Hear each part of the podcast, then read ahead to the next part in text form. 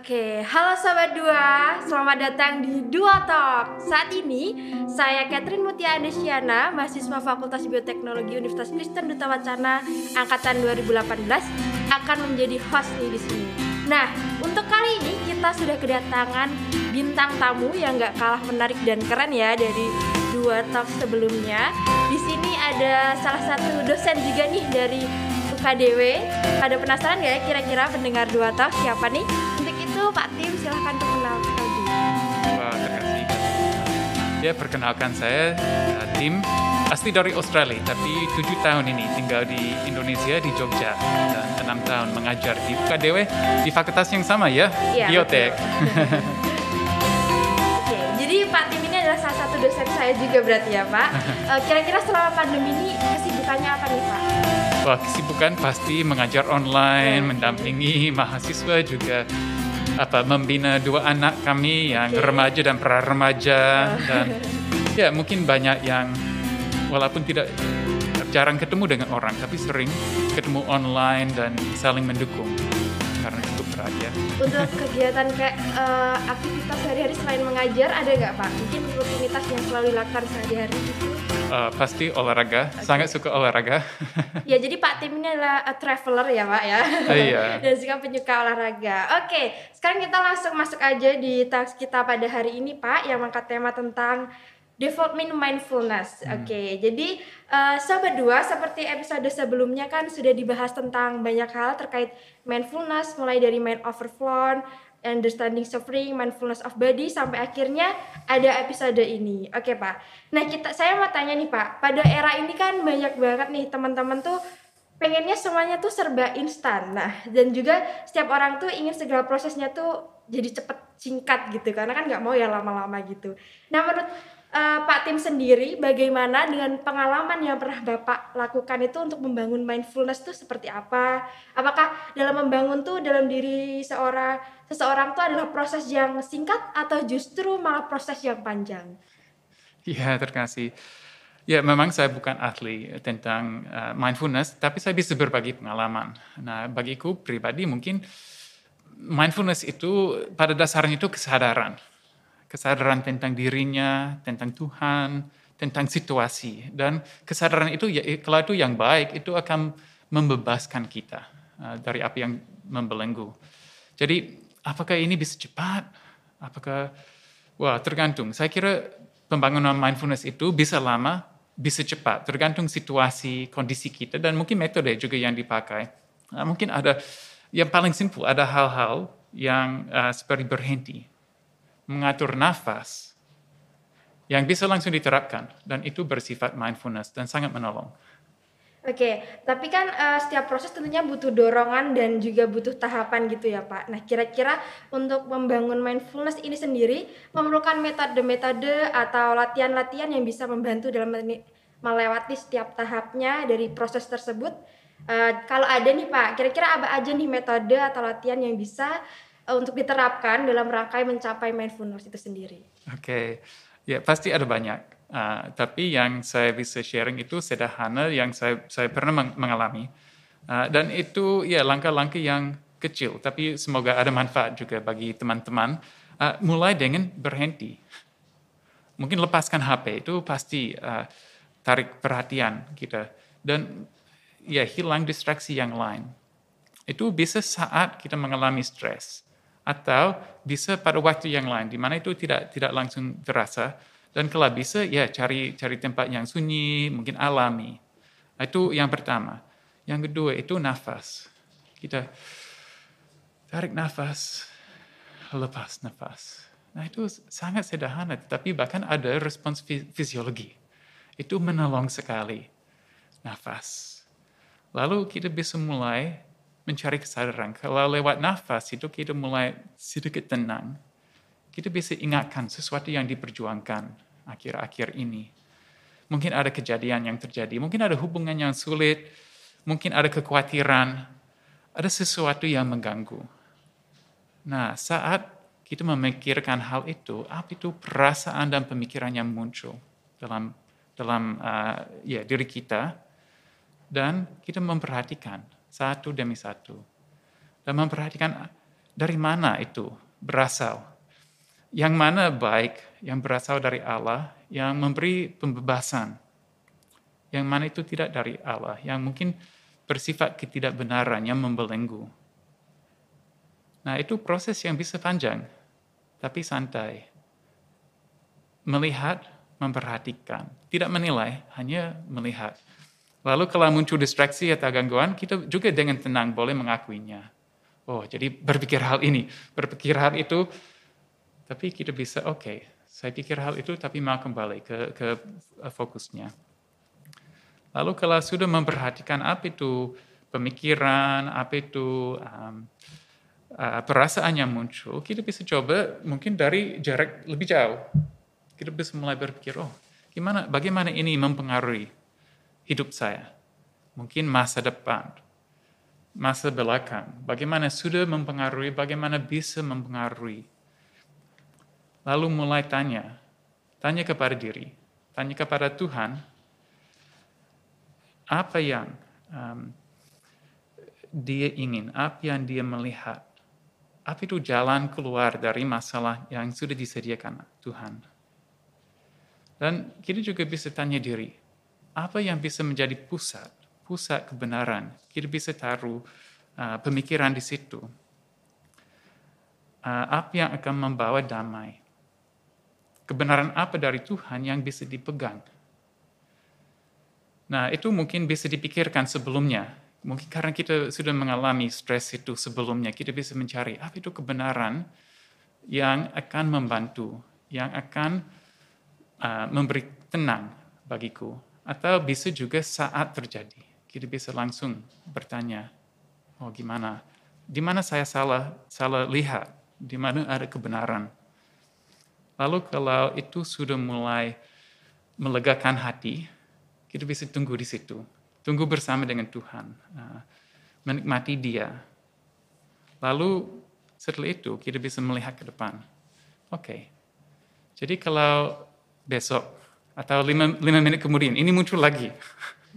ya, bagaimana saya bisa menanggapi situasi itu, nah, pemikiran, perasaan itu, dan bagaimana saya bisa bergantung pada Tuhan.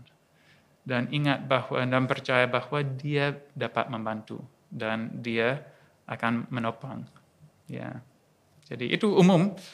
Uh, dan saya tahu kalau tidak salah ada yang spesifik untuk situasi tertentu Uh, bahkan ada aplikasi, ada website yang bisa seperti uh, guided mindfulness. Jadi ada rekaman yang bisa didengar untuk menuntun kita lewat proses seperti itu. Tapi yang sederhana seperti itu.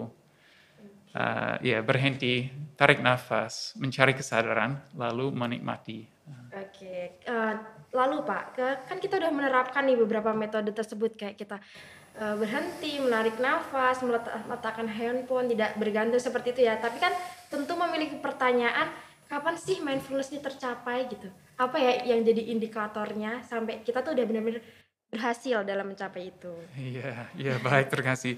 Jadi mungkin ini juga bisa uh, ya agak resiko juga kalau kita bilang begini saya sudah sampai. Kalau belum sampai itu saya kalah.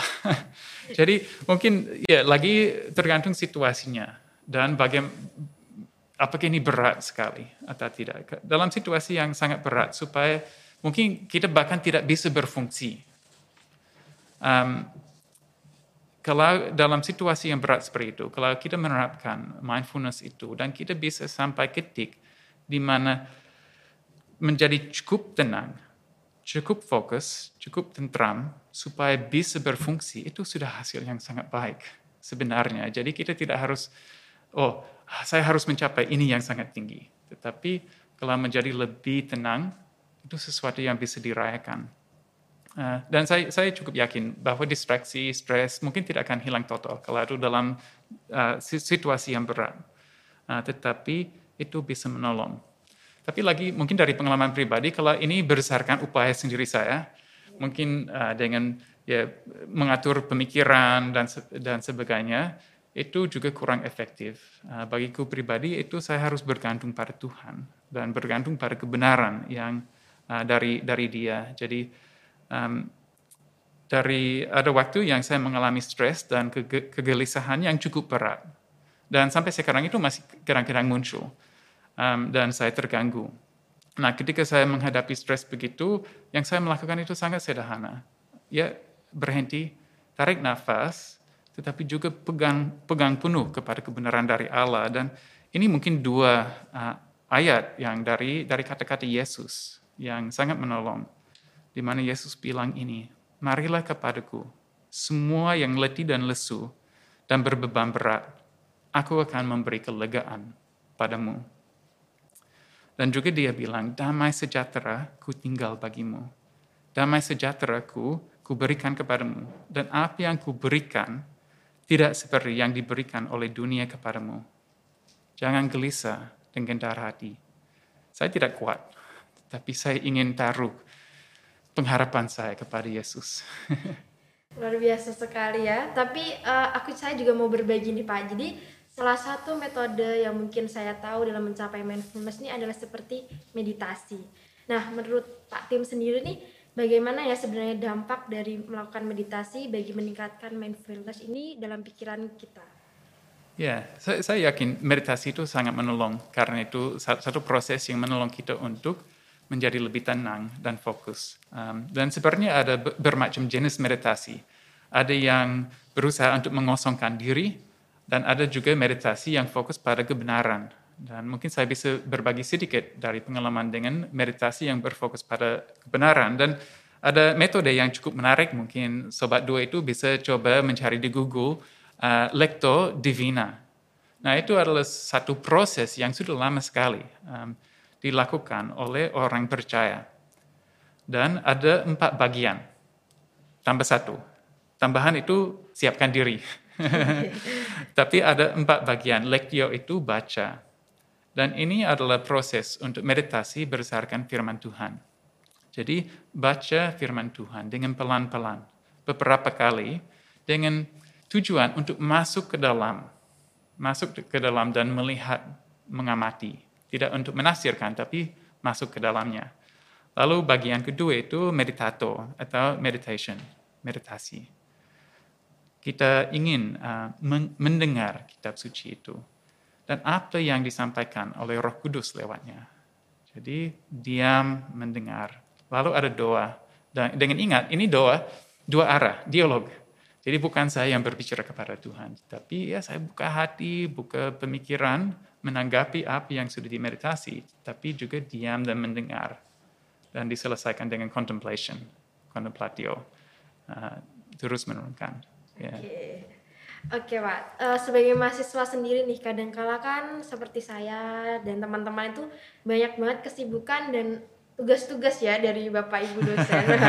ya, Kita juga kadang lupa untuk mempraktekkan mindfulness itu sendiri dan malah berlarut dalam kesibukan kita sehari-hari.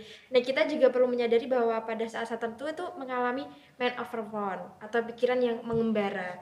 Nah, jika hal ini terjadi nih Pak, bagaimana cara agar kita bisa kembali ke titik mindfulness itu sendiri? Iya, ya terima kasih. Saya kira mungkin pada paling dasar kita bisa kembali dan ber, bertanya diri lagi, ya, apa itu tujuan saya? Apa itu tujuan hidup saya? Mengapa saya melakukan hal ini? Uh, mengapa saya sedang kuliah? Mengapa saya bekerja? Mengapa saya di tempat ini? Dan apakah apakah tujuan-tujuan itu sesuai dengan kehendak Allah? Apakah ada perubahan sebenarnya yang dibutuhkan? Mungkin karena kita bekerja atau karena kuliah, ya pasti akan ada beban yang berat. Jadi kita boleh tanya diri, apakah beban itu sebenarnya adalah sesuatu yang baik yang harus saya pikuli?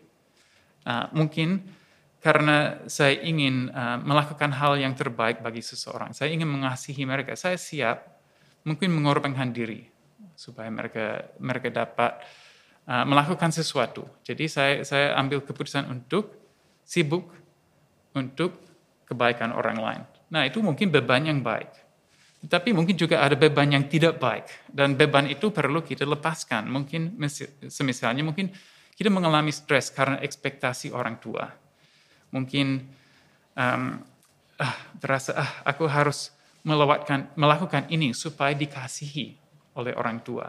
Nah, mungkin ini mungkin bukan dari orang tua, tetapi dari diri saya sendiri muncul beban itu dan beban itu tidak didesar, apa, berdasarkan kebenaran. Jadi mungkin yang seperti itu kita perlu mencari, lalu melepaskan. Dan saya kira mindfulness itu sebenarnya hal yang bisa menolong kita menentukan dan bertanya. Jadi dalam tadi saya berbagi beberapa pertanyaan, mungkin pertanyaan yang lebih spesifik seperti itu, apakah ini beban yang baik? Apakah ini sesuatu yang saya harus menjalankan? Atau apakah ini sebenarnya sesuatu yang perlu saya lepas karena tidak tidak muncul dari kebenaran? Mindfulness bisa menolong uh, kita. Uh, ya mungkin kalau boleh saya berbagi lagi kata dari dari Yesus yang sangat menolong saya ini. Karena itu, janganlah kamu khawatir dan berkata, apa yang akan kami makan? Apa yang akan kami minum? Apakah yang akan kami pakai? Semua itu dicari bangsa-bangsa yang tidak mengenal Allah, tetapi Bapamu yang di surga tahu bahwa kamu memerlukan semuanya itu.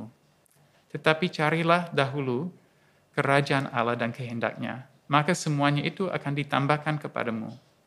Karena itu, janganlah kamu khawatir tentang hari esok, karena hari esok mempunyai kekhawatiran, kekhawatiran sendiri. Kesusahan sendiri cukuplah untuk sehari. Jadi ya jelas di sini Yesus mengajar kita untuk fokus pada apa yang uh, terbaik. Kerajaan Allah, kalau damai dari Allah itu uh, memerintah di dunia dalam hatiku, itu sesuatu yang diinginkan dan jangan terlalu khawatir tentang besok. Hari ini sudah ada cukup banyak kesusahan, jadi bergantung pada dia hari ini dan percaya bahwa dia yang uh, punya masa depan. Oke, bahwa semuanya tuh cukup sehari untuk masa depan pasti ada diatur sama Tuhan sendiri gitu ya Pak. Iya. Uh, jadi banyak banget nih yang sudah dipelajari sampai saat ini teman-teman melalui mindfulness itu juga berkaitan sekali sama firman Tuhan bahwa kita juga harus berpegang sama firman Tuhan.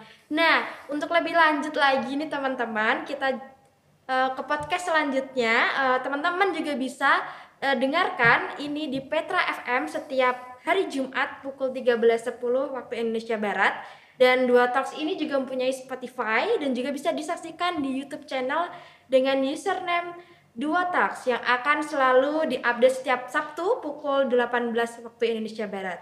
Serta ada juga nih buat anak-anak muda buat Instagram dan TikTok dengan username @duatalks. Untuk podcast Dual Talks ini juga berkolaborasi dengan majalah Sandai yang merupakan media online bagi pelajar SMA SMK sederajat. Untuk itu teman-teman uh, yang kepo apa nih majalah Sandai bisa cek majalahsandai.com atau platform lainnya lewat Twitter, Instagram, YouTube, Wattpad, TikTok, podcast majalah Sandai. Oke, kita lanjut lagi ke podcast kita selanjutnya, Pak. Ada pertanyaan lagi dari saya nih. Sebagai anak muda nih, Pak, uh, saat ini terkadang kita tuh uh, tidak memiliki kontrol terhadap apa yang masuk ke dalam tubuh kita. Kita ikut aja zaman kalau kita ke sini ikut ke sini, ke sana ikut ke sana atau uh, hal-hal yang sering kali menyebabkan kita tuh jadi kecanduan. Misalnya main HP kan kecanduan jadi tidak belajar, misalnya seperti itu ya Pak. Atau kadang kita juga tidak bisa mengontrol diri uh, untuk uh, menghilangkan hal-hal negatif. Padahal mengontrol diri itu merupakan hal yang penting, terkhusus buat anak muda seperti saya yang sedang berkembang dalam kehidupan. Namun ada yang membuat saya itu uh, malah tergoyah kehidupan-hidupan yang nyelanang. Apa ya bahasa Indonesia nyelanang? Untuk itu Uh, namun ada juga yang buat saya dan mungkin sobat dua juga penasaran kenapa sih kontrol diri terhadap tubuh itu merupakan hal yang penting dalam mencapai mindfulness ini sendiri. Iya, oke, okay, terima kasih Katarina. Uh, jujur, saya kira masalah dengan kontrol diri, dengan pengendalian diri itu tidak masalah anak muda saja, tapi setiap orang mengalami masalah seperti itu. Dosen-dosen pasti juga uh, kita semua. Uh, jadi dan saya tahu mindfulness itu dipakai sebagai salah satu tool untuk me, apa, membantu kita membangun uh, mindfulness, tapi um, apa membangun kontrol diri. Tapi kontrol diri itu juga bisa membantu kita membangun mindfulness. Jadi gimana ya? Apa, apa hubungan antaranya? Mungkin uh, saya bisa ilustrasikan seperti ini. Mungkin uh, kalau kita sedang kadang-kadang berpikir, oh kalau untuk berolahraga saya harus menjadi seorang yang fit, yang kuat tetapi sebenarnya untuk menjadi seorang yang fit, yang kuat, kita perlu olahraga. Jadi kita harus ambil komitmen dulu, oke okay, saya akan mulai. Saya akan melatih sedikit sesuai dengan kapasitas dan semakin lama mungkin kita uh, mengalami dan menikmati uh, apa hal yang baik. Jadi kita mulai merasa lebih sehat. Jadi itu memberi motivasi untuk tambah lagi. Nah berkaitan dengan kontrol diri, mungkin pada mulanya itu kita bisa ambil komitmen saja. Saya ingin makan lebih sehat. Saya tidak mau makan yang kurang sehat. Nah, dengan mulai dengan langkah yang kecil saja, yang bisa tercapai, mungkin kita dapat feedback, umpan balik yang baik. Kita merasa lebih sehat, jadi kita bisa membuat goals yang baru. Uh, dan jadi saya kira bisa kerjasama antara dua-duanya. Uh, apa mindfulness bisa membantu kita membangun kontrol diri, kontrol diri itu bisa membantu kita bangun mindfulness of the body.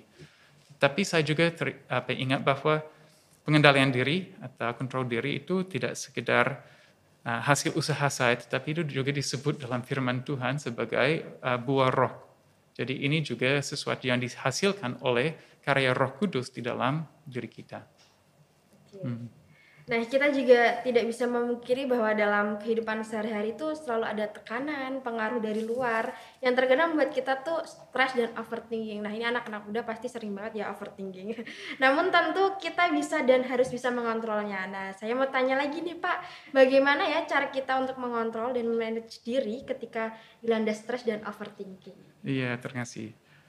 Uh, lagi saya bisa berbagi dari pengalaman pribadi. Um, dan saya kira mungkin ini akan mulai dengan mengenal diri.